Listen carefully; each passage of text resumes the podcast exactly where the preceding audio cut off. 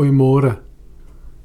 Dit's lekker om weer saam in julle voorkamers, in julle voorhuise, in julle huise met julle te kuier. Dit's lekker dat julle my daar toelaat om saam met julle te kuier. Mag ons saam ook God se stem vandag hoor. Ons groet waarmee ons oopmaak vir oggend is die volgende woorde. God ons Vader groet ons. Hy het sy eie seun nie gespaar nie, maar hom oorgelewer om ons almal te red. Die Heilige Gees staan ons in ons swakheid by. Hy pleit vir ons volgens die wil van God. Amen.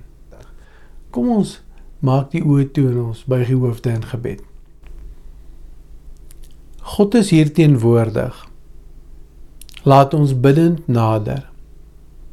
Hier waar ons voor hom vergader. God is hier teenwoordig. Deurgrond my o God, deurgrond my hart, ondersoek my. sien tog sien tog my onrus raak. Kyk of ek nie op die verkeerde pad is nie en lei my op die beproefde pad. Amen. So vanmôre lees uit Romeine 4 en ek hoop jy die tyd geneem om die hele hoofstuk te lees en as jy nie die hele hoofstuk gelees het nie, voel vry om my hier vir 'n oomblik te pause, te laat stil staan en dit eers te lees. Ek gaan net so die eerste 7 verse lees, maar ek gaan in die oordeenking verwys na 'n klomp van die ander verse. So Kom ons lees saam uit Romeine 4 en ek gaan dit vir julle vanmôre uit die direkte vertaling lees. Wat sal ons dan sê? Het Abraham, ons stamvader na die liggaam verkry? Wel as Abraham op grond van sy dade geregverdig is, het hy rede tot roem, maar nie voor God nie.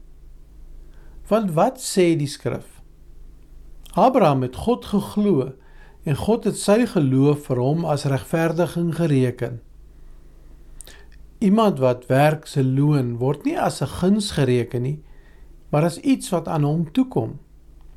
Iemand wat egter nie werk nie, maar glo in die een wat die goddelose regverdig maak, vir hom word sy geloof as regverdiging gereken. So noem ook Dawid die mens geseënd vir wie God regverdiging toereken sonder dade. Geseënd is hulle wie se ongeregtighede vergewe en wie se sondes bedek is. Geseënd is die mens vir wie die Here die sonde hoegenaamd nie toereken nie. Ek lees net tot so tot by vers 8 en soos net nou gesê, ek hoop julle het 'n bietjie in die res ook gelees. Nou hierdie Romeine 4 is eintlik 'n 'n vreemde teks. In hoofstuk 3 is Paulus besig met sy betoog dat ons nie deur die wet nie, maar deur die geloof regverdig word. In hoofstuk 5 beskryf hy die vrede wat ons by God het deur Jesus Christus. En hier hier tussenin, hier in hoofstuk 4, hier is 'n lang relaas oor Abraham en Sara. Eintlik ook oor Isak, al word sy naam nooit genoem nie. Nou wat beteken 'n verhaal oor Abraham en Isak en Hagar en Ismael en Sara in hierdie tyd van COVID-19 in hierdie tyd van spanning in hierdie tyd van finansiële probleme in hierdie tyd van misdaad. So vreemd as wat dit mag klink sny Paulus egter lynreg in op die evangelie wat hy verkondig in al sy ander briewe ook. 'n evangelie wat sommige mense opsom in 3 punte. En dit is interessante woorde. Word gereken tot regverdigheid. Gee lewe aan die dooies. Skep wat nie bestaan nie. Wat beteken dit? Voordat ons gaan kyk wat dit beteken. Onthou dat die manier wat hierdie Grieks geskryf is wat hier vir ons in die Afrikaans vertaal word is Paulus, skryf Paulus altyd dat God die handelende een is. God is die een wat alles doen. Dis nie ons werk nie, soos ons ook nou net gehoor het hier in die gedeelte wat ons gelees het. Reken tot regverdigheid. Paulus begin onmiddellik deur na die vader van al die gelowiges, Abraham te verwys. En die punt wat hy maak is dat Abraham voor grond voor God staan nie op grond van enigiets wat hy gedoen het nie, maar bloot omdat hy God vertrou het. Daarom reken God hom regverdig. Daarom is hy aanvaarbaar by God. Daarom word hy geag as 'n gelowige. Ons kry 'n pragtige opsomming in vers 21 hier in hoofstuk 4 van Abraham se geloof. Hy was vas daarvan oortuig dat God dit wat hy beloof het ook kan doen. God is die een wat handel. Abraham hou aan sy belofte vas. En dit is wat geloof is. Vertroue. Gee lewe aan die dooies. Hierin is so iets van 'n misterie, iets van die misterie van God se manier van werk. Abraham en Sara het God se belofte self probeer waarmaak met Ismael wat Abraham by die slavin Hagar verwek het. Maar God het vir hom gesê dit was nie sy plan nie. En as Paulus nou terugkyk, terugkyk na Abraham en Sara se lewe, dan kyk hy eintlik met die oë van Jesus. Want hy sien nie hulle foute en mislukkings raak nie. Hy fokus nie op Sara wat gelag het oor God se belofte nie. Hy sien nie hulle eie pogings om God se belofte waar te maak nie. Nee, vers 19 skryf Paulus. Sy geloof het nie verswak nie. Al het hy besef dat sy eie liggaam reeds so te sê dood was. Hy was reeds ongeveer 100 jaar oud en dat Sara se moederskoot ook reeds dood was. Die een wat ons red deur genade is die een wat lewe gee aan die dooies. Is die een wat 'n dooie baarmoeder kan opwek. Die een wat hom nie laat afsit deur ons foute en mislukkings nie. Hy gee lewe selfs te midde van ons foute en ons mislukkings. En die derde van Paulus se boodskap wat hy bring is dat God skep wat nie bestaan nie. Ons as mense skep wette en skeiding en ongehoorsaamheid en onverdraagsaamheid. Maar God skep wat nie bestaan nie. Kyk maar wat sê vers 17.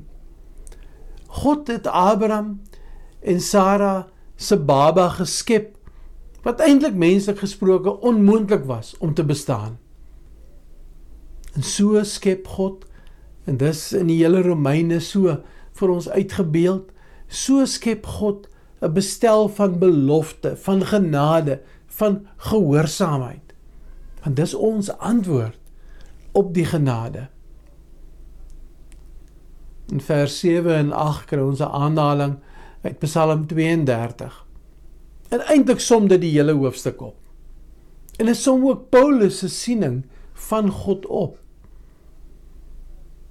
Geseënd is hulle wie se ongeregtighede vergewe en wie se sondes bedek is. Geseënd is die mens vir wie die Here die sonde hoegenaamd nie toereken nie. En skielik skielik is die teks nie meer so vreemd nie. Skielik klink dit nie so snaaks om hier tussen genade en vrede Abraham en Isak se Abraham en Sara en Isak se se, se verhaal te hoor nie. Skielik pas dit in. En skielik besef ons dat in 'n tyd van COVID-19, in 'n tyd van spanning, in 'n tyd van finansiële probleme, in 'n tyd van misdaad, dat ons nog almal God se genade nodig het. Ook ons het die God wat lewe gee nodig. Soos Hoofstuk 5 vers 21 sê. Net soos die sonde deur die dood geheers het, sal ook die genade deur die regverdiging heers en tot die ewige lewe lei deur Jesus Christus, ons Here. En natuurlik, daai regverdiging is 'n geskenk. Ons verdien dit nie. Dit word gegee. Ons antwoord is dankbaarheid en gehoorsaamheid. Ons het nog steeds nodig om gehoorsaam te wees deur te vertrou op die een wat dit wat hy beloof het doen.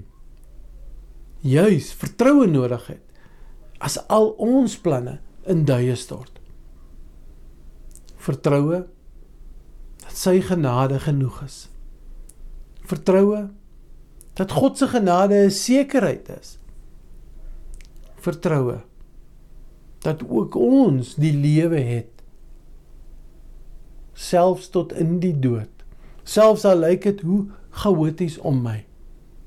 In God, in Jesus, in sy genade, in sy reken tot regverdiging word ek en jy ook genadig tot regverdiging gereken.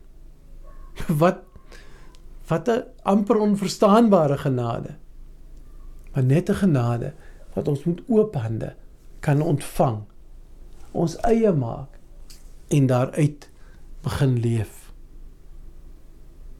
Amen. Ek gaan nie vanoggend afsluit met 'n gebed nie.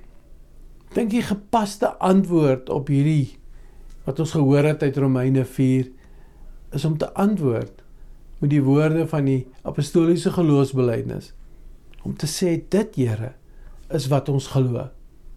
Ek gaan dit voorlees. Jy ken dit mos. Sê dit sommer vir by die huis saam met my weer op.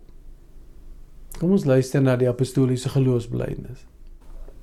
Ek glo in God die Vader, die Almagtige, die skepper van die hemel en die aarde. En in Jesus Christus, sy enige gebore seun, ons Here, wat ontvang is van die Heilige Gees, gebore is uit die maagd Maria, wat gelei het onder Pontius Pilatus, gekruisig is, gesterf het en begrawe is en ter helle neergedaal het. Wat op die derde dag weer opgestaan het uit die dode.